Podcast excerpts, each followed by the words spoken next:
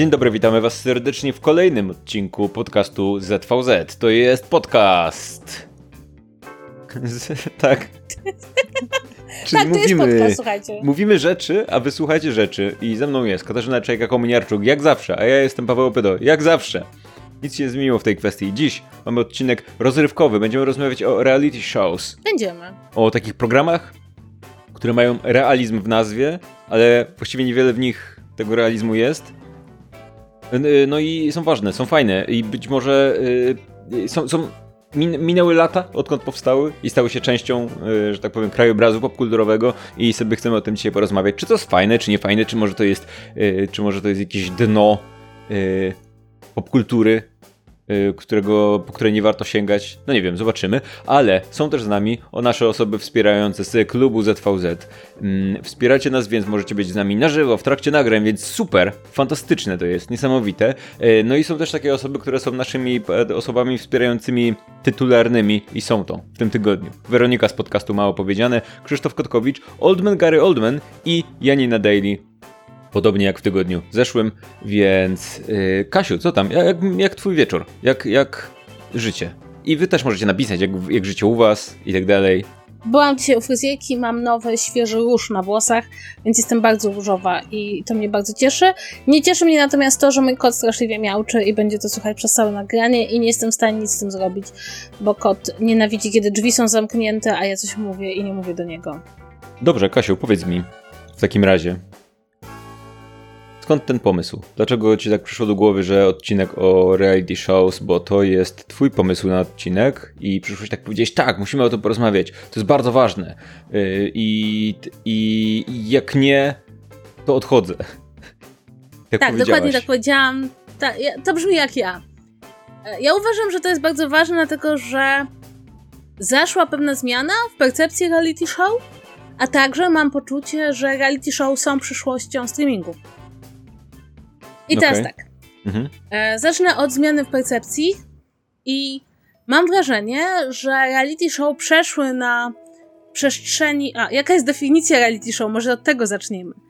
E, kiedy ja mówię tutaj o reality show, to chodzi mi o tak naprawdę dwa rodzaje programów, czyli o programy, które nazwalibyśmy takimi tradycyjnymi reality show, w których nie mamy napisanego oficjalnie scenariusza, bierzemy ludzi, którzy, których przedstawiamy nie jako aktorów, ale jako naturszczyków, stawiamy przed nimi jakieś wyzwania, albo zamykamy ich w jakiejś przestrzeni, albo ograniczamy ich możliwości komunikacji ze światem zewnętrznym, albo pozwalamy im na komunikację ze światem zewnętrznym, ale w ramach jakichś wyznaczonych ram e, i obserwujemy, jak się zachowują. I tutaj wchodzą nam wszystkie reality show od Big Brothera po Love is Blind, po Circle, o który ty lubisz bardzo, Paweł.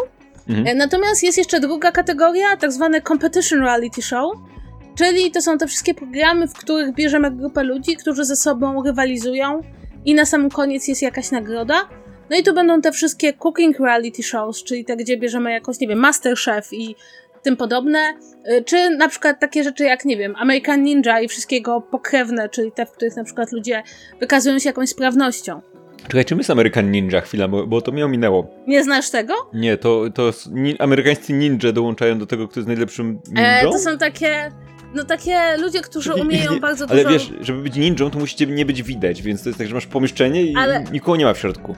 Oni tak szybko biegną, że ich nie zauważasz.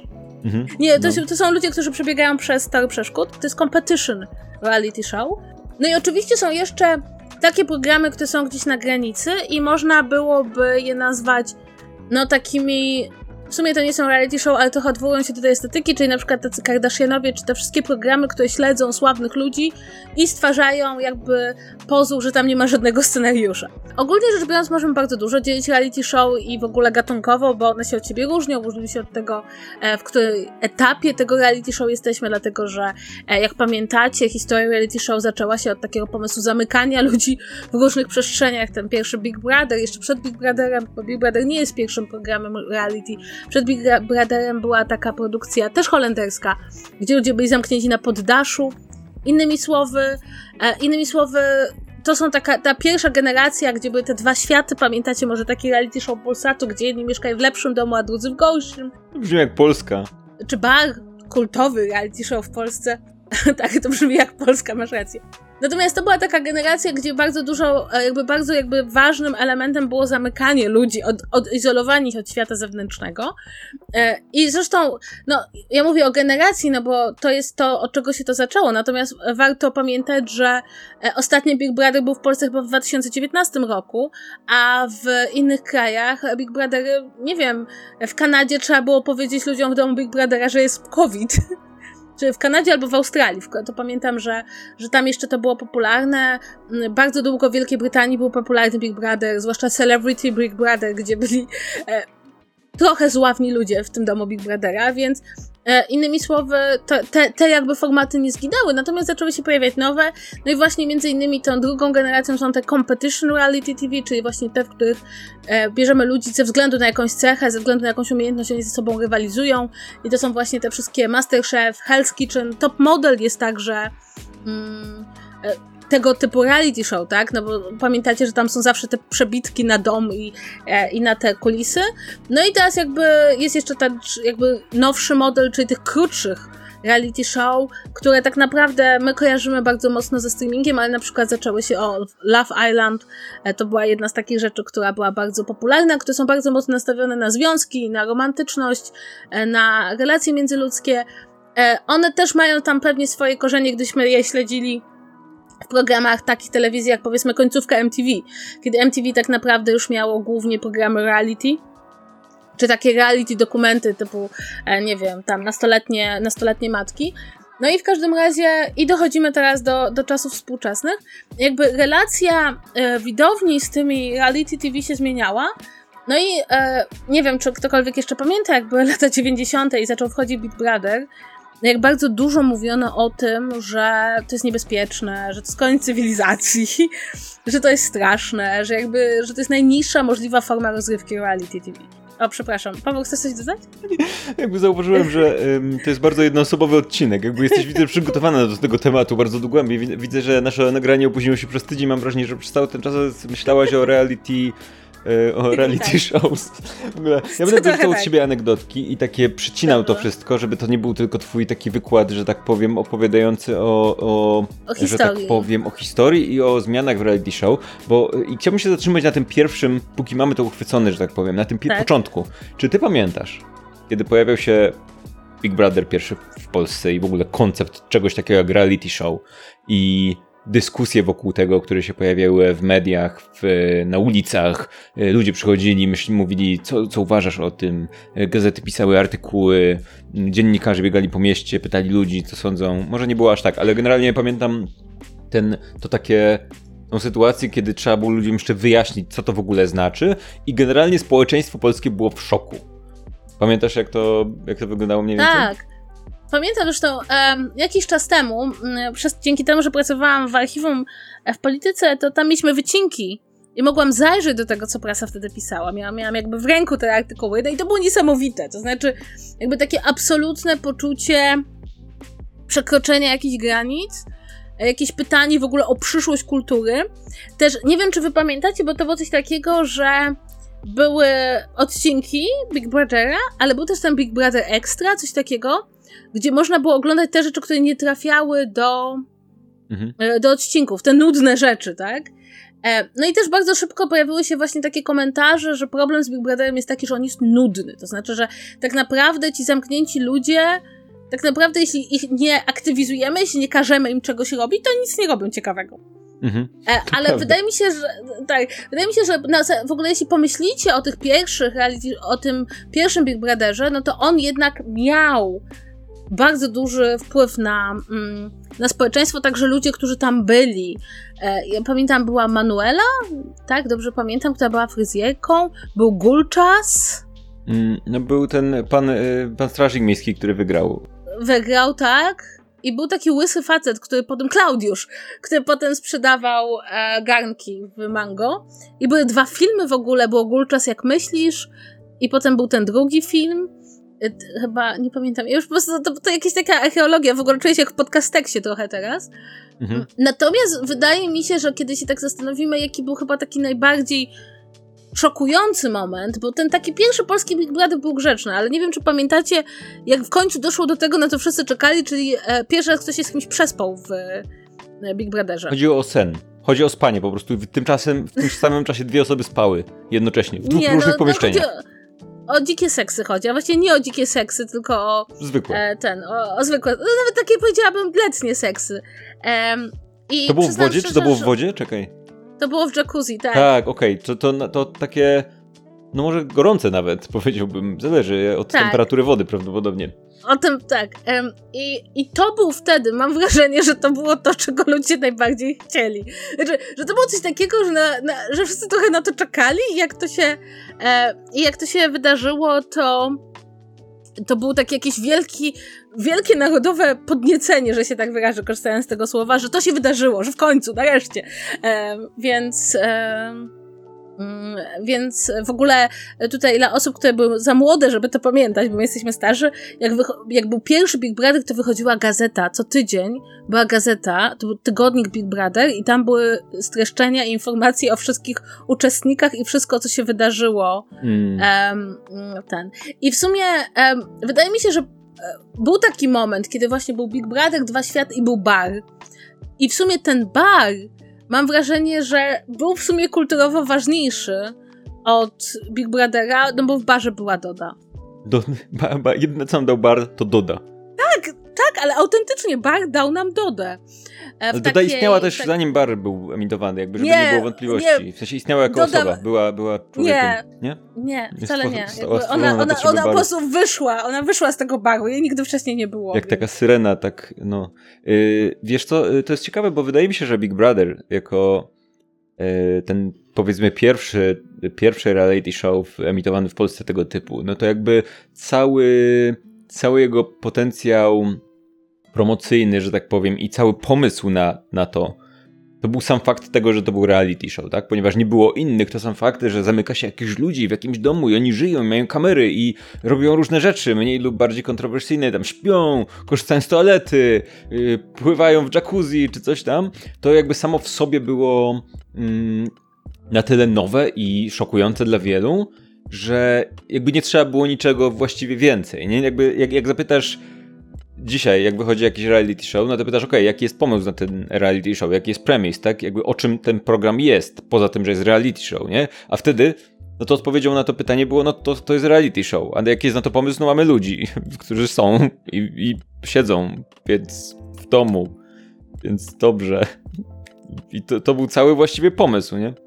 Tak, potem zaczęli bardzo mocno jakby... E, po, jakby to pojawiać się takie zadania, które wyznaczał e, im ten wielki brat. W ogóle fakt, że to się nazywało Big Brother, to jakby intelektualiści się zesrali, za przeproszeniem, hmm. w dyskusjach o tym, e, jak to strasznie zniszczy kulturę. E, przy czym oczywiście dosyć szybko się okazało, że można, jakby, że zabawne jest jak ten Big Brother coś każe robić ludziom i to były jakieś takie dzi dziwne, dziecinne wyzwania. Natomiast na dłuższą metę to nie było bardzo ciekawe i stąd moim zdaniem te pierwsze reality się przerodziły potem w bardziej takie ustrukturyzowane, w których jednak o coś chodziło, tak? E, I, I rzeczywiście ten premise okazał się kluczowy, bo, bo rzeczywiście takie, że dzisiaj na przykład jak e, ktoś mi mówi e, o czym jest Love Never Lies, tak? No to mhm. o tym, że są pary, które mają wobec siebie wątpliwości, więc podłączamy je do wykrywacza kłamstwa. A o czym jest Love is Blind, a o czym jest Circle. E, I ten są, pomysł są pra- nas... pary, które mają różne problemy i jakby od, zabieramy im różne zmysły, tak? Czasem im podpinamy tak. do czegoś, czasem oślepiamy, będzie też miłość nie dotyka, więc obetniemy im ręce wtedy i no, to jest tu, początek tego programu. Stopy. Miłość za, za... nie chodzi. Czy miłość chodzi? Czy miłość nas ma stopy? Stopa miłości. Tak, na stopie, na dobrej tak. stopie. ja, wymyślamy to. miłością. Miłość jest głucha. miłość jest głucha, gdzie mogą się na siebie tylko patrzeć, ale nie mogą nic innego. O. Nie mogą rozmawiać ze sobą. Yy, no, no, to jest pomysł. Mhm. tak, i i kwestia tylko polega na tym, że tak z czasem te programy reality, czy to w wydaniu tym competition reality shows, czy to w wydaniu tym bardziej klasycznym, które już w tym momencie się wydaje niewyobrażalnie retro, mhm. E, stały się takim stałym elementem telewizji. Jakby, jeśli spojrzymy na ramówkę telewizyjną, to poza pogodą dla rolników e, są tam filmy, seriale i reality. Są też reality shows dla rolników, tak? Bo rolnik szuka żony czy coś tam, to właściwie coś to nie jest tylko dla rolników, jakby in, osoby nie będące rolnikami mogą oglądać jak rolnik szuka żony. To nie tak, że... Tak, tak. Nikt tego nie sprawdza. Przy czym może być też tak, że rolnik szuka żony, ogląda rolnik szuka żony i znajduje, znaczy rolnik ogląda rolnik szuka żony i znajduje w tym swoją żonę, ale tamten drugi rolnik nie znajduje. Ale że jego żona poszła do programu rolnik szuka żony, żeby znaleźć nowego tak. męża? Czy no że właśnie, znajduje że osobę, która może stać się jego żoną, bo też jest rolnikiem? Nie, nie. Rolnik wraca do domu i tam nie ma żony. Więc on jej szuka, Więc szuka. i włącza rolnik, szuka żony. Nie, to 911, słuchaj, to nie, to nie ten program, wiesz, to jak zaginęła żona, to... No, nie, Ale nie, po prostu jej nie ma w domu. Nie, że jakoś super zaginęła. Po prostu okay. pół nie ma w domu. Bo szuka męża, no. w programu rolnik szuka żony. Szuka męża. Dobrze, rozumiem, dobrze, dobrze. Tak, um, no i teraz tak, jeśli, jeśli spojrzymy, wracając do tego, co jest jakby moim punktem zaczepienia i co pozwoli nam przejść do tych cudownych współczesnych reality, to, że kiedy platformy streamingowe zaczęły rozkręcać swoje biznesy, to zasadniczo rzecz biorąc postawiały olbrzymi nacisk na to, że mają no, że mają yy, seriale i mają filmy. I to się sprawdza dla części widowni. Ale jeśli weźmiemy pod uwagę całą gamę programów, które ludzie oglądają w telewizji, no to okazywało się, że jest jeden element, którego nie ma, który trzeba kupować od telewizji e, i to są właśnie reality shows. I jeśli spojrzycie, to teraz tak naprawdę bardzo, coraz większą część oferty Netflixa zaczynają stanowić produkowane przez nich reality. Oni mają też trochę kupowanych. I też, e, kiedy słyszymy o na przykład planach kolejnych platform, to powiedzmy HBO, które połączy się z playerem i powstanie nowa platforma, e, i to już wiemy, że się stanie, już jest zapowiedziane, że korzystając z katalogu Discovery Plus, czyli innej jeszcze platformy, której nie ma w Polsce, że oni pójdą w reality. I wydaje mi się, i to jest moja teza, którą jakby długo myślałam, że tak naprawdę to jest kolejna wielka rzecz na platformach, a być może kluczowa rzecz na platformach, czyli właśnie reality shows, a to się też wiąże z tym, że mamy zupełnie inne podejście do reality shows, bo tak jak teraz właśnie komentujecie, ktoś oglądał trzy odcinki pod rząd jednego, ktoś oglądał jako background noise inny program, ktoś obejrzał dwa sezony Love Never Lies. To już w tym momencie nie jest nic wstydliwego, nie jest nic dziwnego, nie jest nic retro. Reality shows stały się takim naszym programem telewizyjnym, który chcemy oglądać, jak nam się nie chce angażować w fabułę. I mam takie poczucie po prostu, że to będzie przyszłość, zwłaszcza, że te współczesne reality, no tak jak mówimy, są w dużym stopniu ciekawsze niż te, które były kiedyś. E, ktoś się zapytał, czy Warsaw Show już nie jest wstydliwe.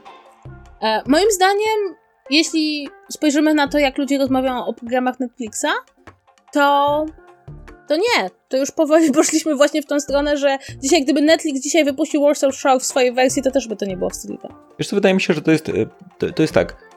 Mm, przede wszystkim to, co mówisz. Reality shows zwykle są czymś takim, co możesz łatwo puścić w tle, rozumiesz o co chodzi, masz jakąś narrację, jak, um, jakby tam nie ma fabuły, która sprawia, że musisz ją śledzić cały czas, szybko załapiesz, jeżeli nawet na chwilę stracisz uwagę i tak dalej, i tak dalej. Zwykle to są to, to jakby są ludzie, którzy coś chodzą, siedzą, kręcą się i tak dalej, i tak dalej, nie? Mm, przynajmniej część z nich, tak? Bo jeżeli masz, nie wiem, jakieś specjalne kulinarne, no to może warto patrzeć, co tam, jak wygląda jedzenie, bo to ważne chyba, nie? E, z drugiej strony mam wrażenie, że ich produkcja jest relatywnie tania w porównaniu na przykład do seriali, tak? Jakby zakładam, tak, nie, nie mam o tym, nie mam o tym dużej wiedzy, ale tak jak patrzysz na to, to wygląda jakby generalnie produkcja nie była jakaś szczególnie droga, tak? Nie masz tam profesjonalnych aktorów, którym trzeba zapłacić, nie masz tam nie wiem, efektów specjalnych, planów y, różnych i tak dalej, i tak dalej, nie? Y, z trzeciej strony ludzie oglądają często reality show, jakby percepcja się zmieniła, tak? Mieliśmy taki okres, kiedy reality shows ludzie traktowali poważnie i była wokół tego, tego taka poważna dyskusja, jak ta, o której wspominaliśmy przy okazji Big Brothera, tak? Co to znaczy, jakie, czego to nas uczy i tak dalej, ale po pewnym czasie ludzie zorientowali, że właściwie to jest jakaś zabawa. Jakby nie, nie szkodzi nikomu, nikt tego nie traktuje poważnie i te, te, te reality shows z jednej strony przestały się traktować poważnie, nie żeby szczególnie się poważnie traktowały kiedykolwiek, ale jakby mniej poważnie się traktują, jeszcze bardziej niż na początku, no i ludzie też traktują to mniej poważnie. Wydaje mi się, że na przykład Warsaw Shore jest takim dobrym przykładem, w sensie nie wyobrażam sobie, żeby ktoś oglądał Warsaw Shore tak totalnie na poważnie, nie? Na zasadzie, kurwa, emocje, że to jest e, kto z kim coś tam, nie? To jest raczej tak, że ludzie dla beki to oglądają, nie? Więc jakby nie, nie wydaje mi się, żeby to było wstydliwe w takim sensie, w sensie to jest Warsaw Shore i tego typu programy są zwykle tak przegięte, że, że jakby jest oczywiste, że, że oglądasz to trochę dla beki, nie? Więc jak oglądasz coś takiego dla beki w ten sposób, no to trochę trudno mówić tutaj o tym, żeby to było wstydliwe w jakiś sposób. Nie wiem, tak mi się przynajmniej wydaje, nie? Mm, więc, więc to jest. Yy, przynajmniej, przynajmniej niektóre z nich yy, wydaje mi się, że, że tak działają, nie? Że to jest coś, co puszczasz w tle, trochę się pośmiejesz, yy, leci jako ten szum troszeczkę, ale są jest czymś fajnym i nie, nie, nie, jest ani szczególnie jakoś tam szkodliwe, ani nie jest szczególnie wysoką rozrywką, ale jakby takich rzeczy też, te, takie rzeczy też są nam potrzebne. Przynajmniej te takie typowe reality shows, bo są też te trochę inne, nie? które są bardziej, wymagają więcej uwagi powiedzmy, nie? Widza. Tak, ja się zgadzam też, e, jeśli zwrócicie uwagę, to nagle zaczęły się robić reality show, które na przykład te Netflixowe zaczęły robić recykling osób, które w nich są. I to też jest e, duża zmiana, że reality zaczęły trochę stawiać na bardzo konkretny rodzaj osób. To już nie jest, już strażnik miejski już dzisiaj nie występuje w reality show, mhm. a przynajmniej jakiś taki typowy w średnim wieku, nie. Teraz stawiamy właśnie na jakąś taką grupę młodych, dobrze się bawiących, być może niezbyt inteligentnych, ale ładnych ludzi, co jednocześnie prowadzi do tego, że te reality show nie są może jakieś intelektualnie wybitne, ale też jakby już one tworzą własną reality rzeczywistość, tak? Tak mhm. naprawdę to nie jest rzeczywiste, to nie, jest, to nie są realne programy, tylko one są w jakiejś konwencji reality. I to się z tobą zgadzam, że jako taka właśnie, okazuje się, że to aż tak nie przechodzi na rzeczywistość, Także dlatego, i tutaj to musimy koniecznie zauważyć, że dużą dawkę takiego prawdziwego w cudzysłowie reality przejął internet. To znaczy, powiedzmy, ludzie, to co, czego się bano, że Big Brother będzie miał wpływ na ludzi, to taki wpływ na ludzi ma obserwowanie kanałów na YouTubie, Instagrama, nie wiem, śledzenie ekipy, tak, Którzy, która żyje swoje reality show, no bo te wszystkie ekipy influencerskie żyją swoje reality show, ale udają, że to jest prawdziwe życie. I dużo trudniej nam to właściwie nie nam, bo my jesteśmy dorośli, ale młodym ludziom dużo trudniej um, dużo trudniej po prostu rozeznać się, że to jest też grane. Natomiast w programach tych reality, no to już, no, no widzimy po prostu, że to jest, że to są takie programy, które trochę naśladują rzeczywistość, ale tak naprawdę są też bardzo autoironiczne, no Too Hot to Handle ma jakby czy Hotel Paradise, czy Love Island, mają te komentarze, które są ironiczne względem własnych bohaterów, tak? Mhm. Czy też wy, wycina się często te fragmenty, gdzie ludzie mówią tak głupie rzeczy, to aż trudno uwierzyć. Więc e, mam takie wrażenie, że tak, że one się po prostu zmieniły, dostosowały się trochę do tego, że ta realność już nie jest tak atrakcyjna, bo to mamy w internetach, możemy sobie kogo chcemy śledzić trochę na żywo. Natomiast atrakcyjne wciąż jest oglądanie ludzi robiących różne rzeczy i, i też są to na przykład teraz głównie bardzo ładni ludzie. To też jest mhm. taki element e, kluczowy. Ja chciałabym odpowiedzieć na jedno pytanie, które się tu pojawiło. Czy programy TLC typu Say Yes to the Dress to też reality? I to jest e, bardzo taki off-topic, e, który postaram się odpowiedzieć w dwóch zdaniach. Moim zdaniem to jest coś, co jest pomiędzy reality, a nie jest reality, ponieważ to są programy pseudodokumentalne, bo tam na przykład, nie wiem, e, te wszystkie, to są te wszystkie programy o ludziach, którzy są chorzy na dziwne choroby, o ludziach, którzy cierpią na otyłość. I to są programy, które żerują nad podglądaniu, które udają dokumenty, ale tak naprawdę są, są takimi reżyserowanymi historiami, które są gdzieś tam zakorzenione w rzeczywistości. Więc ja bym to wzięła, że to jest taka odnoga reality, ale nie w głównym nurcie reality. Wiesz, co jest moim ulubionym reality show? Takim prawdziwie reality? Tak? Las w słoiku. No to jest prawdziwe reality show, tylko takie powolne, nie? Tak, y, wiesz co, ale są też takie filmy na YouTubie, gdzie ktoś jakby robi taki skrót ze swojego lasu i w sensie robi ten tą eksperyment i tam potem powiada, że doda, dodał jakieś tam robaki tam albo coś tam i że ktoś kogoś zjadł. Y, I jest tam generalnie dużo miłości i seksu w tym wszystkim, bardzo dużo czasem. Bardzo dużo, naprawdę ogrom. E, ale też czasem zjadają się nawzajem, więc to też jest interesujące. E, ja to zwykle oglądam w jakimś dwukrotnym przyspieszeniu i jest to super fascynujące. Na pewno jest to bardziej reality niż większość telewizji, e, więc dobra, dobra rzecz, tak? Mm, I z drugiej strony wydaje mi się, że ja, ja mm, lubię tą taką koncepcję, że. No bo, okej, okay, krok wstecz. Generalnie osoby, które dziś występują w reality shows, to są często osoby, dla których reality shows to jest coś, co zawsze było, tak? W sensie wychowały się w świecie, gdzie istnieją reality shows i to sprawia, że one są dużo bardziej świadome tym, tego, że, że jakby będąc w tym programie muszą stworzyć właściwie jakąś personę i a, a, nie, a nie być sobą, podczas gdy zakładam, że uczestniczy pierwszego Big Brothera przynajmniej do pewnego stopnia, czyli tam, wiesz, rzucali się, że tak powiem, na głęboką wodę i to miał być ten program, który miał być właśnie reality, czyli to mieli być oni prawdziwi i zakładam, że oni gdzieś w locie, w trakcie zaczęli... Okej, okay, oni inaczej, bo oni, oni nie mieli feedbacku natychmiastowego, co się dzieje, tak? Więc, więc zakładam, że tam trochę na czuja grali w tym programie Gdzieś tam ktoś to reżyserował, no ale właściwie zupełnie było, było to zdecydowanie mniej świadome niż ludzie, którzy na przykład oglądali sami reality shows, wiedzą jak to działa i tak dalej, i tak dalej i dzisiaj przychodzą do tych reality shows. Więc to jedna rzecz. Druga rzecz jest taka, uwielbiam tę taką koncepcję, mm, że tak powiem, multiversum reality shows i tutaj y, moją ulubioną rzeczą było to, jak y, Chloe z Too Hot to Handle była w The Circle i to jest najlepsza osoba na świecie generalnie. I ja uważam, że Chloe jest bardzo inteligentna E, bo jakby nikt nie mówi tak absurdalnie głupich rzeczy nieświadomie. Jakby uważam, że ona po prostu, ona jest jakby w, w ja nie oglądałem tu Hot to Handle, ale w The Circle jakby ona, jej głupie teksty były zbyt, zbyt dla mnie, według mnie, to jest mój, mój, moje próba odgadnięcia. One, jej głupie teksty według mnie brzmiały za bardzo jak ktoś, kto świadomie wymyśla głupie teksty, które brzmią śmiesznie. I myślę, że yy, myślę, że Chloe jest po prostu ma taką personę, tak, Które, którą sobie stworzyła, ale jestem w tym świetna. I tutaj chciałbym nawiązać do The Circle, czyli do mojego ulubionego programu, dlatego że to jest program, który absolutnie eksploituje tą popularność reality shows, tak? Jeżeli ktoś nie wie, jakby premis cały jest taki, że to, są, to, jest, to jest takie dość standardowe reality show, powiedzmy, tylko że różnica polega na tym, że wszyscy ci ludzie mieszkają w jednym budynku, ale każdy mieszka w osobnym mieszkaniu i każdy z nich i, i nie kontaktują się ze sobą w inny sposób niż przez taką wewnętrzną, prostą social mediową platformę, która nazywa się The Circle, tak? I generalnie siedzą w tym swoim mieszkaniu, tworzą swój profil, siedząc przed telewizorem, dyktują wiadomości, które są jakby pisane tekstem, yy, dodają tam zdjęcia i tak dalej, i tak dalej. Generalnie rozmawiają ze sobą tylko online przez tą platformę, tak? I grają w różne gry w tej platformie, jakby robią, robią prywatne konwersacje, grupowe konwersacje, publiczne konwersacje, milion różnych rzeczy, tak? Ale cały, cały pomysł polega na tym, że nie muszą grać z sobą, tak? Więc część z nich gra totalnie prawdziwymi Y, osobami, którymi są. Część z nich gra y, jakby poprawioną wersją siebie, na przykład uznają, ok, będę sobą, ale będę udawać, że jestem lekarzem, a nie modelem, bo ludzie na mnie lepiej zareagują, tak? A część gra z zupełnie fałszywymi, jakby, jakby kompletnie, kompletnie wymyślonymi profilami, tak?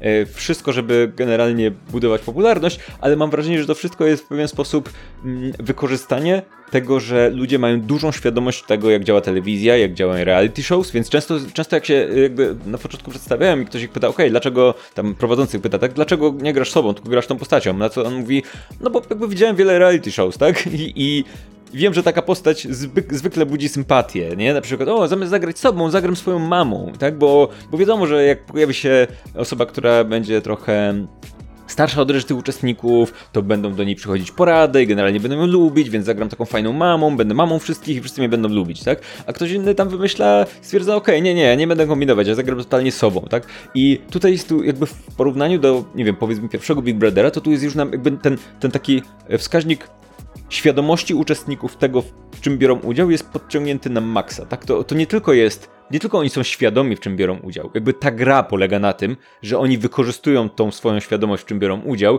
i próbują budować te swoje persony. Oni jakby nie grają sobą, tak? Oni nie, to, to jest przeciwieństwo reality show właściwie, tak? Bo oni, jakby cały koncept polega na tym, że oni ma, że to nie ma być realne, tak? Oni mają grać wymyślonymi profilami, w ten sposób, żeby zdobyć jak największą popularność. Więc to jest, to jest już, wiesz, to jest, to jest już, yy, że tak powiem, obrócenie koncepcji o 180 stopni, nie? Więc, albo nawet 360. Jakby, nie bójmy się tego słowa, tej, tej liczby. No, więc, więc to jest coś, co bardzo lubię. Ja mam wrażenie, że to, o czym mówisz, jest dowodem na to, że właśnie ten element reality przestaje być aż tak ważny, ponieważ zarówno my jako widzowie, oglądając już przez tyle lat ten rodzaj programów, doskonale zdajemy sobie sprawę, że oglądamy rzecz, która jest w dużym stopniu reżyserowana, a nawet jeśli jakieś fragmenty nie są reżyserowane, no to są wyjęte z kontekstu albo są tak dobrane, żeby reżysersko to jak najlepiej wypadało, żeby tam było jak najwięcej dram, jak najwięcej dramatycznych momentów. Więc my jako widzowie już nauczyliśmy się języka tego w cudzysłowie reality, no ale też nie sposób dzisiaj znaleźć osoby w zachodnim świecie, która brała udział w kulturze popularnej, która tych zasad reality nie zna. I też e, mam takie poczucie, że to się w tym momencie robi tak, nawet, nawet poza The Circle, w każdym z tych, mm, z każdym z tych e, programów i także dlatego mogą uczestnicy przechodzić między programami, robi się no, taka gra w to reality. I ja się z tobą nawet zgadzam, że taka Chloe to prawdopodobnie ona jest inteligentna, tylko doskonale wie, jaką rolę dostała w tego typu programach. I dlatego uważam, że po części stąd wzięła się zmiana w podejściu do tych programów, bo od podglądania ludzi, którzy robią prawdziwe rzeczy i są prawdziwymi ludźmi, my ich hamsko podglądamy, zamieniło się to w oni wiedzą w czym grają, my wiemy, że oni w czymś grają, jakby to jest po prostu rozrywka i pozwala nam to też no, na oglądanie z takim dosyć czystym sercem, no naprawdę najidiotyczniejszych pomysłów, no bo ja nie ukrywam, moją ukochaną serią Netflixa jest Too Hot to Handle, Uwielbiam ten program. Uwielbiam to, jak różne edycje z różnych krajów się cię różnią. No i ja sobie zdaję sprawę, że przecież to jest stuprocentowo reżyserowane, no bo e, zadanie macie się ze sobą nie przespać przez kilka tygodni nie jest najtrudniejszym zadaniem na świecie. Jakby to nie jest rzecz, której ludzie nie są w stanie zrobić. A fakt, że ten program tworzy tako, takie poczucie, że no bohaterowie po strasznie ze sobą walczą, no i prawda, i tam wszyscy, wszyscy łamią te zasady i tracą te pieniądze, no to już jest kompletnie inny rodzaj rozgrywki. Więc ja się z tobą zgadzam, że tak naprawdę te reality show porzuciły gdzieś po drodze reality i stały się takim rodzajem innej, innej narracji, która nie jest narracją filmową ani serialową, tylko gdzieś obok. Wydaje mi się, że tutaj jeszcze interesujące są te wszystkie inne dookoła programy, bo mam wrażenie, że, że wiesz, takie programy jak powiedzmy The Circle, jakby The, The Circle trochę, bo to jest e, swoją drogą, zabawne jest to, że mówiliśmy, że Big Brother miał ten taki vibe tego jakby świadomego grania kontrowersją i takim e, powiedzmy, wiesz, tym takim o, teraz to będzie, wiesz, ludzie zamknięci w domu, wielki brat, który daje zadania i o, taki wiesz, taki vibe uuu, taki, nie? Mm, a The Circle jakby już y, praktycznie ma to samo, ale autoironicznie, w sensie, wiesz, no to jest to jest taki bardzo mm, cyberpunkowy reality show, tak? Oni siedzą przed tymi telewizorami, zamknięci w tych domach i tworzą te swoje fejkowe profile i, i grają w tą taką no, platformę, wiesz, y, social mediową, ale jednocześnie jakby wniosek z tego programu zwykle jest taki, że właściwie kto, kto, kogo nie gra, to prędzej czy później ktoś się z kimś zakumpluje i generalnie jakby ci ludzie tak czy siak kończą właściwie mając jakieś przyjazne stosunki ze sobą, więc to jest miłe. Wydaje mi się, że to jest fajny wniosek z tego programu, ale jednocześnie są też te takie wszystkie na przykład kulinarne rzeczy i tak dalej, które mam wrażenie, że wchodzą na bardzo wysoki poziom specjalizacji na tym etapie ja już, ja, ja już są programy, ja czasem zerkam, jak Asia ogląda te rzeczy, nie? Że to już jakby zaczęło się od programów takich ogólnokulinarnych, a teraz już są programy w stylu tam, wiesz, o, ktoś robi owoce z czekolady, ale tylko o północy i stojąc na jednej nodze i konkurs teraz między nimi, ale, ale nikt nie odpada w tym programie, dlatego że jest tylko pięć osób na świecie, które to robią, więc jak odpadnie jedna, to, to, to nie mamy do kolejnej, nie mamy do wymiany, to będzie stała ekipa, po prostu już jakby usuńmy ten element rywalizacji, po prostu niech, w sensie niech jest rywalizacja, ale niech nie odpadają, bo, bo nie mamy więcej osób, które się tym konkretną wąską rzeczą zajmują, więc yy, yy, zastanawiam się do jakiego bo powiem tak, mam wrażenie, że, yy, że yy, kulinarne reality show weszły na bardzo wysoki poziom specjalizacji tego, co się dzieje. Więc. E, tak. E, no jako olbrzymia fanka tego typu programów, kto ogląda wszystko, muszę powiedzieć, że tak, że masz absolutną rację, bo e, to jest e, fantastyczne, że mamy reality show o dmuchaniu szkła. Jakby, jak to się stało, że e, mamy popularne reality show o dmuchaniu szkła. Ja oglądam wszystko. Oglądałam o jubilerach, o ludziach, którzy robią rzeźby z kwiatów. O, dwa, oglądałam dwa programy o florystach. E, kocham oczywiście o make-upie, oglądam Next in Fashion, prawda? Ja się w ogóle, czy Making the Cut, ja się w ogóle nie znam na modzie, ale i tak to oglądam.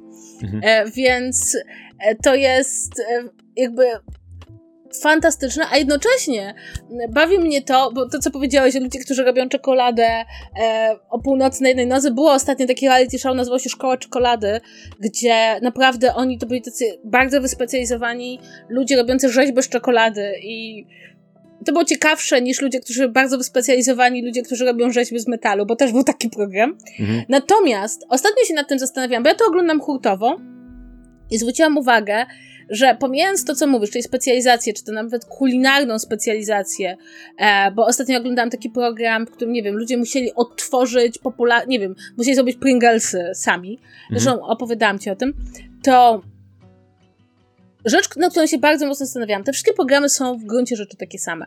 Znaczy, mają ten sam sposób budowania jakby narracji, że poznajemy uczestników, oni się ze sobą rywalizują, pod sam koniec ktoś odpada, ktoś dostaje immunitet, ktoś dostaje, przechodzi dalej i zaczęłam się zastanawiać, po tym jak już obejrzałam tego po prostu dziesiątki, czy istnieje możliwość zmiany tego modelu? I to mnie ostatnio zaintrygowało. Bardzo dużo o tym myślałam. I właśnie to jest takie otwarte pytanie, bo nie znalazłam dobrej odpowiedzi. Czy istnieje na przykład taki sposób, żeby nie było, że co odcinek ktoś odpada? Na przykład, nie wiem, akumulują punkty. Albo, rozumiesz o co chodzi? Albo hmm. mogą dostać jakieś dodatkowe zadanie, które sprawi, że będą na szczycie. The Circle, najlepszy reality show. Tam ewidentnie aha, postawili aha. sobie na jakimś etapie na celu, że to jest nudne, że ludzie odpadają, tak? Więc zaczęli kombinować. I wyobraź sobie, co się odpierdala w tym programie. Czasem ktoś odpada, okay, to się zdarza, ale czasem się zdarza, że na przykład dwie osoby odpadną w jakimś odcinku, ale tak naprawdę nie odpadną, tylko zamykają ich w innym mieszkaniu i dają im fejkowy profil do prowadzenia z jakimiś losowymi cechami, na przykład jakiegoś emeryta, który coś, jakieś kompletnie coś, do czego są nieprzygotowani i grają dalej jako para, tworząc ten profil. Albo na przykład ktoś, e, nie wiem, odpada, albo ktoś, nie wiem, wygrywa powiedzmy, e, ma, ma najwyższy wynik i ma szansę dodać sobie drugi profil i gra dwoma różnymi profilami.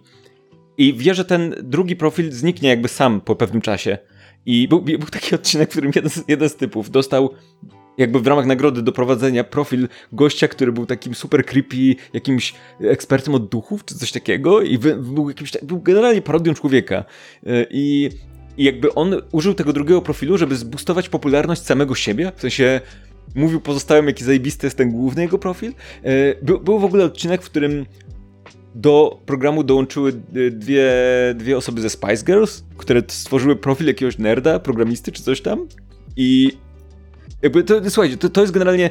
Tam, tam jest dużo zabawy tym, co by można zrobić, żeby ci ludzie niekoniecznie odpadali, ale żeby to było trochę ciekawsze. Okej, okay, jakby koniec końców niestety musi być ten flow, tak, że przychodzi ktoś nowy, ktoś tam odpada i tak dalej, i tak dalej, ale wydaje mi się, że tam ten program robi jakby dzięki temu, że to się dzieje wirtualnie i że ci ludzie nie, nie widzą siebie, yy, tam się może on ten program bawić tym, że ci ludzie odpadają. Wiem, że jest też taka koncepcja generalnie, że są też te, takie programy, gdzie masz tą stałą ekipę, która nie odpada, yy, ale jest też taka rzecz, to jest trochę starsza rzecz. Jest był taki program dopasowanie, którego ja byłem wielkim fanem, nie?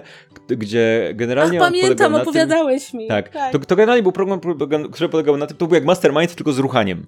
I generalnie to, to było tak, że była grupa ludzi, mężczyzn i kobiet i oni byli za pomocą niesamowitego algorytmu jakichś tam testów dopasowani do siebie jako idealne pary, tak? Czyli, tylko że nikt nie wiedział do kogo. Była tam grupa 9, 10 kobiet, 10 mężczyzn, tak? E, byli dopasowani do siebie, ale nie wiedzieli w jakiej konfiguracji i każdego tam, po, przy, w każdym programie mogli sobie się jakby lokować w tych parach, no i dostawali informacje, ile z tych par jest e, jakby dopasowana dobrze, ale nie wiedzieli które, tak? E, I mogli jedną zweryfikować. No i jakby zadaniem wszystkich było to, żeby dopasować wszystkich do wszystkich, tak? To sprawiło, że jakby przede wszystkim nikt nie odpada, tak? Mogą się osoby, jeżeli, jeżeli kogoś zweryfikują i tak ktoś jest zweryfikowany dobrze, no to ta pada, para jedzie tam na gdzieś do innego miejsca sobie odpoczywać czy coś tam, e, ale, e, ale jakby nie, nie odpadają z programu siłą rzeczy. Mm, ale druga rzecz jest taka, że ten program dzięki temu miał niesamowite tempo, tak? Czyli musimy szybko wszyscy ruchać ze wszystkimi, żebyśmy się zorientowali, kto jest do kogo dopasowany, więc tam, tam po prostu ludzie zapierdalali, tam 30 sekund, już jest romans, ktoś ma z kimś. Jakby uwielbiam ten program dokładnie za to, że on jest super szybki, tak? Ponieważ musimy się dopasować w te pary, to będziemy, to musimy, słuchajcie, nie możemy tego zrobić inaczej, musimy testować, tak? Więc cudowna rzecz. E, więc, więc tak, trochę, trochę mam wrażenie, że jest miałeś ulubionego wiesz, bohatera. Yy, tak, ulubionego Hunter. bohatera, którego skminił w tym momencie. Był, był, typ, który był surferem w ogóle. Ja, ja, ja nie pamiętam tego tak dobrze, ale był typ, który był surferem i, z, i za każdym razem jakby każdą do każdej z dziewczyn podchodził z tymi te samymi tekstami, ale, ale przede wszystkim szukał dziewczyny, która lubi ocean, bo uznał, że to musi być klucz, tak? Więc pytał, hej, lubisz ocean? Do każdej. I e, jakby jego, to, to oczywiście są tacy ludzie w stylu właśnie tam jakiegoś Love Island czy czegoś, nie? W sensie taki specyficzny typ osoby, że tak powiem. Ale jego charakter traitem jedynym był to, że lubi wodę, więc pytał wszystkich o wodę. I potem było tak, że był najbardziej szczęśliwy, jak był jakiś taki odcinek, że na łód, pojechali na łódkę, bo mógł obserwować dziewczyny, które z nich lubią wodę.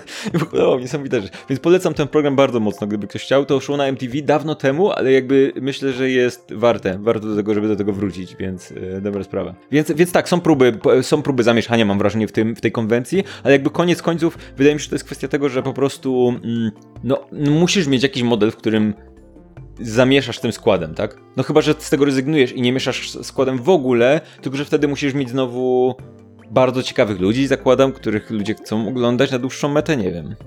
Ja się w ogóle chciałabym powiedzieć, że ten gość, który chodzi i pyta o wodę, to, to był James Cameron, słuchajcie. Nie A, mogło tak być, młody James Cameron. No tak.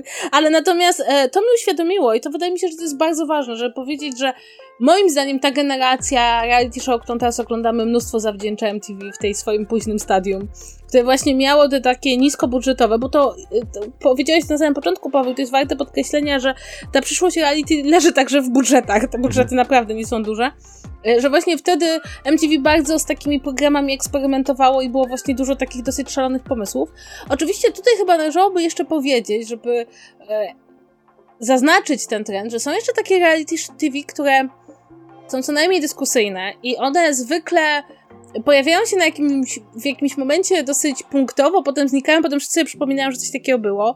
I to są zwykle jakieś takie reality show, które mają naruszać jakieś normy społeczne, czy mają mieć jakiś e, plot twist. Nie wiem, czy pamiętasz, że był taki dawno temu, był taki e, reality show z transpłciową kobietą, który był dosyć taki, powiedziałabym, wtedy w ogóle wow, że coś takiego jest możliwe.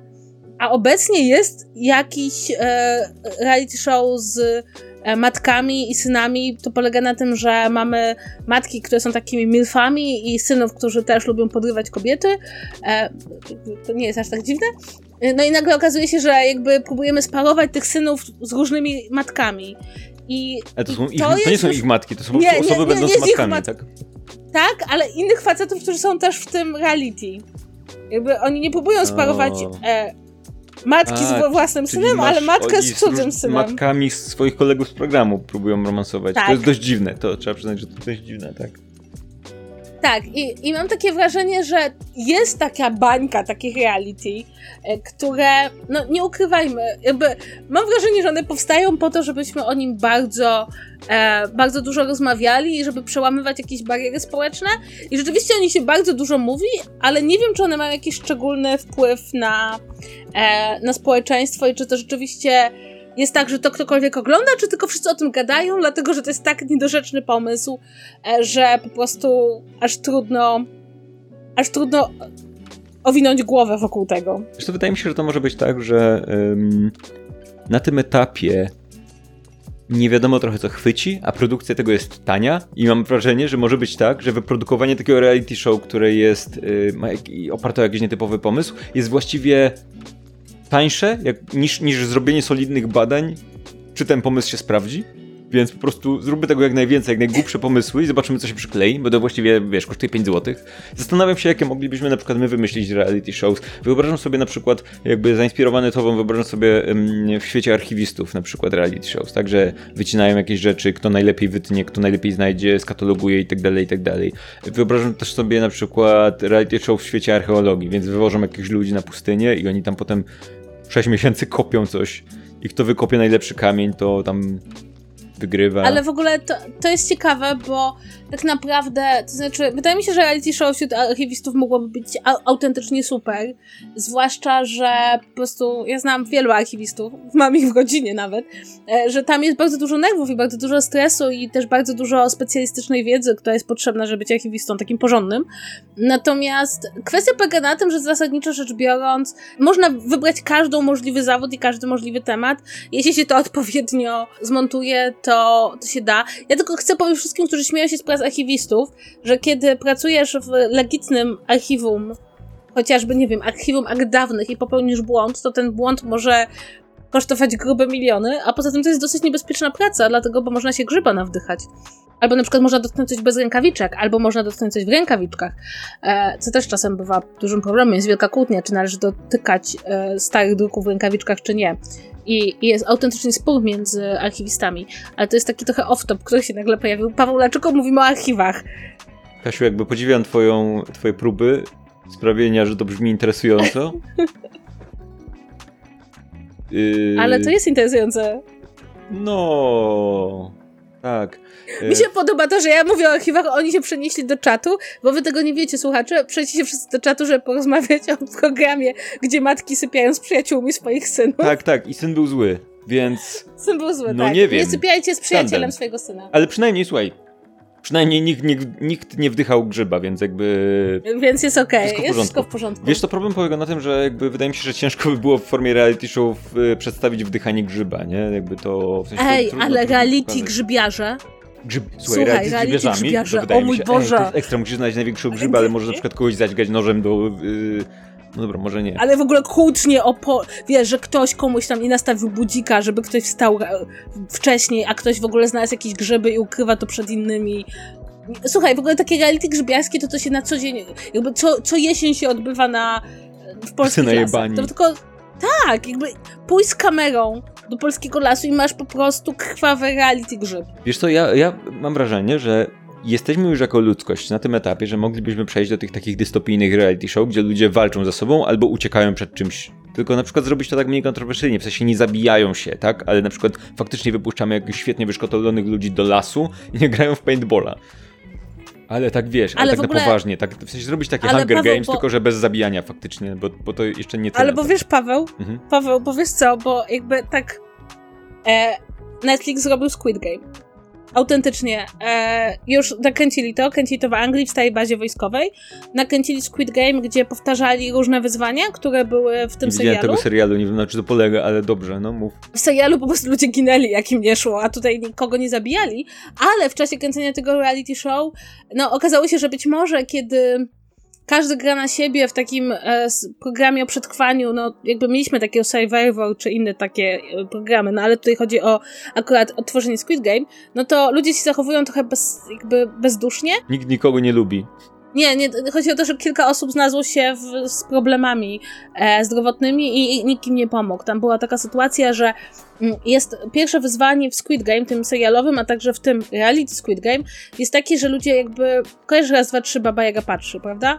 E, no i to jest ta gra, czyli jak to się lalka odwraca, tak, to nie możesz, nie możesz się odwrócić, bo wtedy e, no, odpadasz, czy w oryginalnym Squid Game giniesz. No i to było coś takiego, że oni w to dosyć długo grali, nikt się nie chciał ruszyć. Jedna osoba się przegrzała i dostała drgawek i w ogóle zaczęła się bardzo źle czuć i jakby nikt się nie ruszył, żeby jej pomóc, bo nikt nie chciał przegrać. I było też bardzo dużo naruszeń w ogóle dotyczących zdrowia uczestników, do tego stopnia, że taki brytyjski wydział mm, zajmujący się bezpieczeństwem i BHP na planie postanowił skontrolować tę produkcję już post factum, bo mhm. po prostu doszli do wniosku.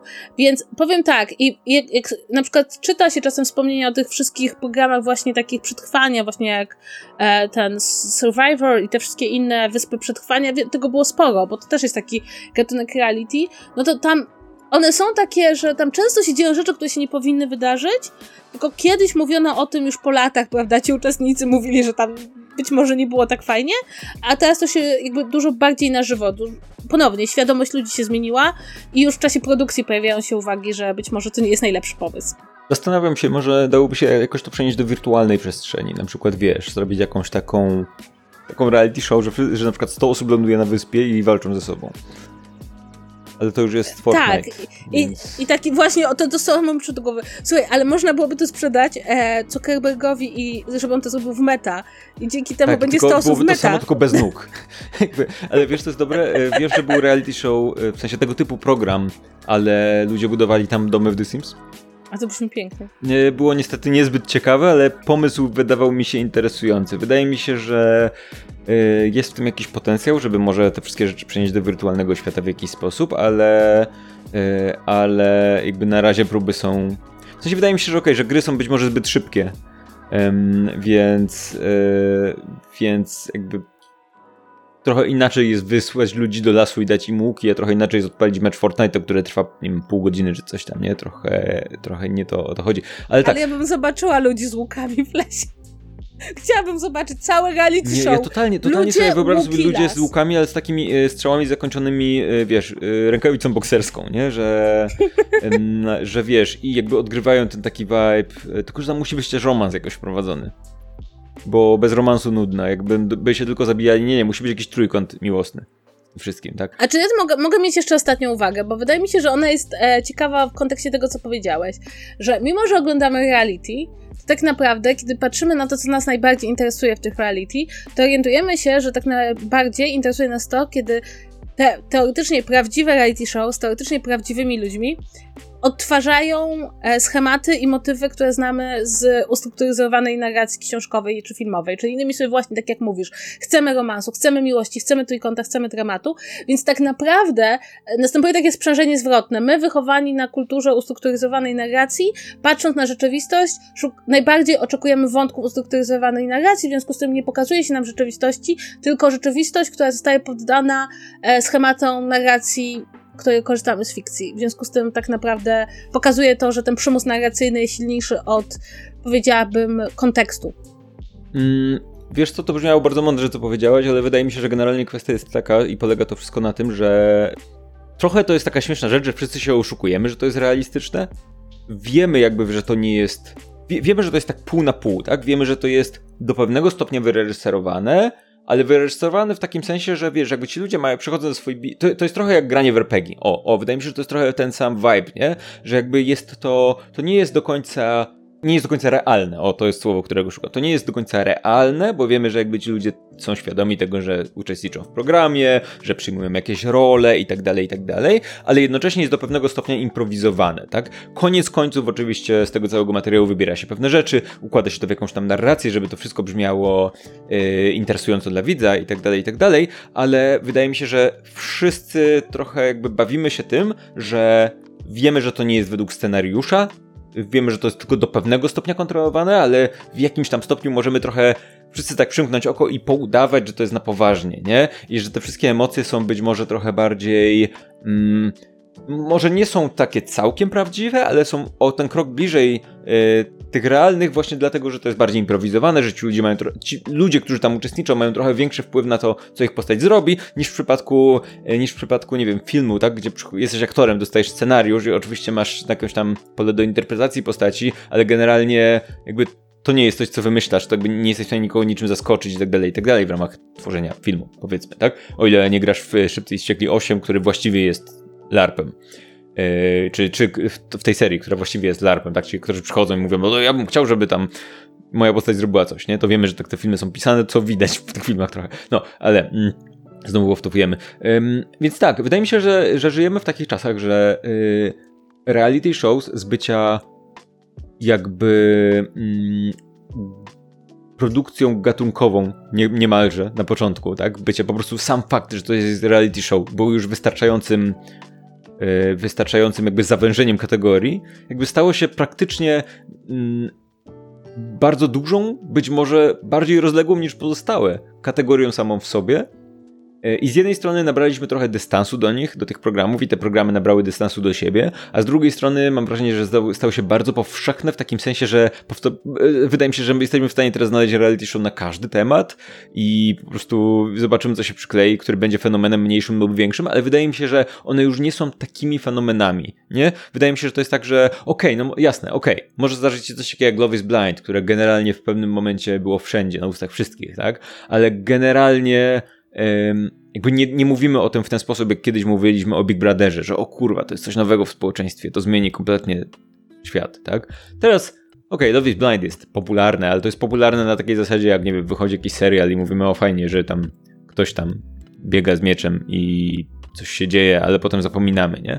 Więc yy, no jest to, jest to taka ciekawa yy, nie chcę powiedzieć nowa kategoria w telewizji, no bo już jakby zastana w tym momencie jest i trochę i, i roz, bardzo rozpowszechniona, ale na tyle inna niż pozostałe rzeczy, że trochę ma taki swój własny vibe i jakby oglądanie reality show podchodzimy do nich trochę inaczej niż do oglądania seriali czy filmów, czy czegokolwiek właściwie innego, ale jednocześnie wydaje mi się, że lata praktyki pokazały, że to właściwie jest dość nieszkodliwa rozrywka, którą większość ludzi ogląda dla odmurzenia i dość, i, i dość ironicznie powiedzmy, ale, ale ja lubię dzięki temu właśnie, przez to lubię, że że to jest takie właśnie niezobowiązujące, a jednocześnie nie traktujące z siebie poważnie, powiedzmy.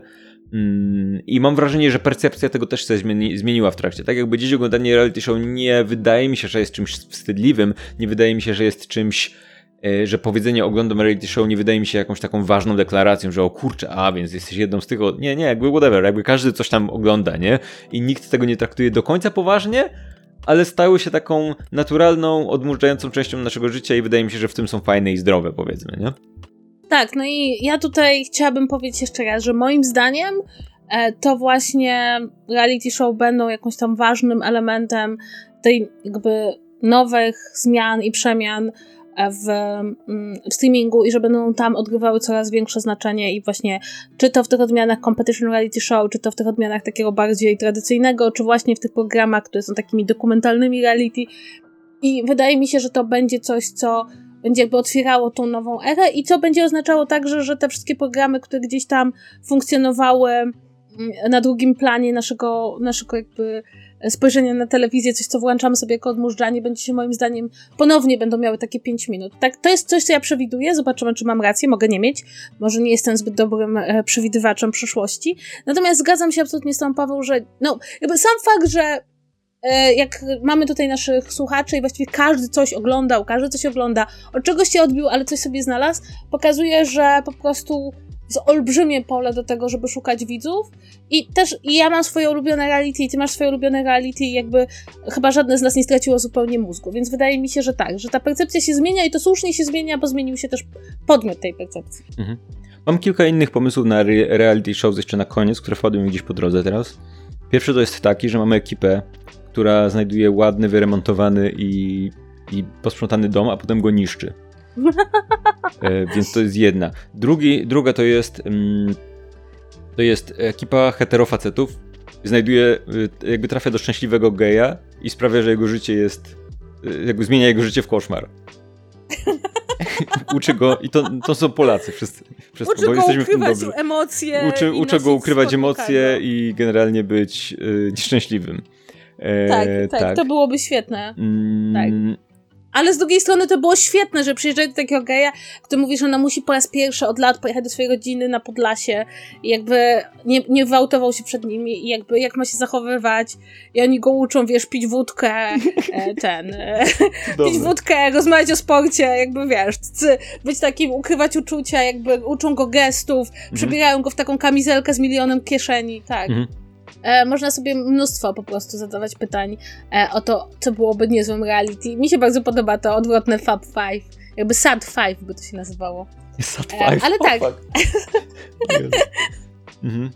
Tak, mhm. ale ogólnie tak, wydaje mi się, że prawie, prawie, każdy, prawie każdy zawód i prawie każdą rzecz można byłoby w ten sposób zrobić. Ja bym chciała taki reality dokument, e, dziejąc się w świecie ludzi, którzy obracają kryptowalutami i po kolei wszyscy tracą swoje pieniądze. Myślę, że to miałoby wymiar edukacyjny będziemy chyba po trosze kończyć. E, mhm. natomiast chciałabym tylko powiedzieć, że aktywność naszych słuchaczy dzisiaj e, na naszym czacie, jak nagrywaliśmy, świadczy o tym, że reality show to jest naprawdę taki temat, e, który, który. Łączy pokolenia. Łączy pokolenia, rozpala emocje, przypomina nam się mnóstwo tytułów i, i też to pokazuje, jak to jest zróżnicowany element naszej kultury, bo co chwilę się pojawia pytanie, co tak właściwie jest tym reality. I w tym rzeczywiście wokół reality mieści się bardzo, bardzo dużo programów. Moglibyśmy o każdym rodzaju rozmawiać, tylko że już mamy powoli godzinkę nagrania. Generalnie słuchajcie, odezwijcie się do nas, jeżeli jesteście Netflixem, HBO, Max, Mini, yy, Peacock, cokolwiek. Tak, odezwijcie się do nas. Napiszcie, mamy pomysł na reality show. E, słuchajcie, fajnie, że wpadliście tutaj. Będziemy już kończyć w takim razie. Pamiętajcie, że kontakt mupazvz.pl to jest mail, na który możecie do nas pisać i yy, podzielić się swoimi opiniami o reality show albo pomysłami na kolejne odcinki albo cokolwiek. Pamiętajcie, że istnieje ZVZ Plus. Jeżeli tego słuchacie, to znaczy, że w tym momencie pojawił się też odcinek bonusowy naszego podcastu i możecie go sobie posłuchać, gdzie prawdopodobnie dalej mówimy o rzeczach interesujących albo mniej, ale zwykle obłąkanych. Mm, I jeszcze raz dziękujemy wszystkim osobom wspierającym, dzięki którym możemy tutaj być i możemy nagrywać te odcinki regularnie i które wzięły udział w naszym nagraniu na żywo, ale też dziękujemy osobom wspierającym z naszego najwyższego progu, które szczególnie mocno wspierają nasz podcast. Są to Weronika z podcastu Mało Powiedziane, Krzysztof Tkowicz, Oldman Gary Oldman i Janina Daily. Dziękujemy Wam bardzo po kolejny. I co? Tyle od nas. Wracamy do naszego nudnego życia, które nie jest reality show, więc. Yy, ale, ale nasz program jest trochę jak reality show, nie, Kasiu? Tak siedzimy, tak. ludzie nas oglądają. Tak. Tylko nikt nie odpada. Nikt nie odpada, ale możemy, rozważymy to. Dajcie znać, może to warto, może będziemy... Kto ma odpaść? Kto ma odpaść? Co odcinek będziemy decydować, tylko będziemy potrzebowali nowych prowadzących jakichś, bo za chwilę się skończą. Jest nas tak, podwójka, więc to jest pewien problem, tak? Ale dzięki, że byliście z nami. I do usłyszenia w następnym. I do zobaczenia i do usłyszenia następnym razem. Trzymajcie się, papa. Pa, pa.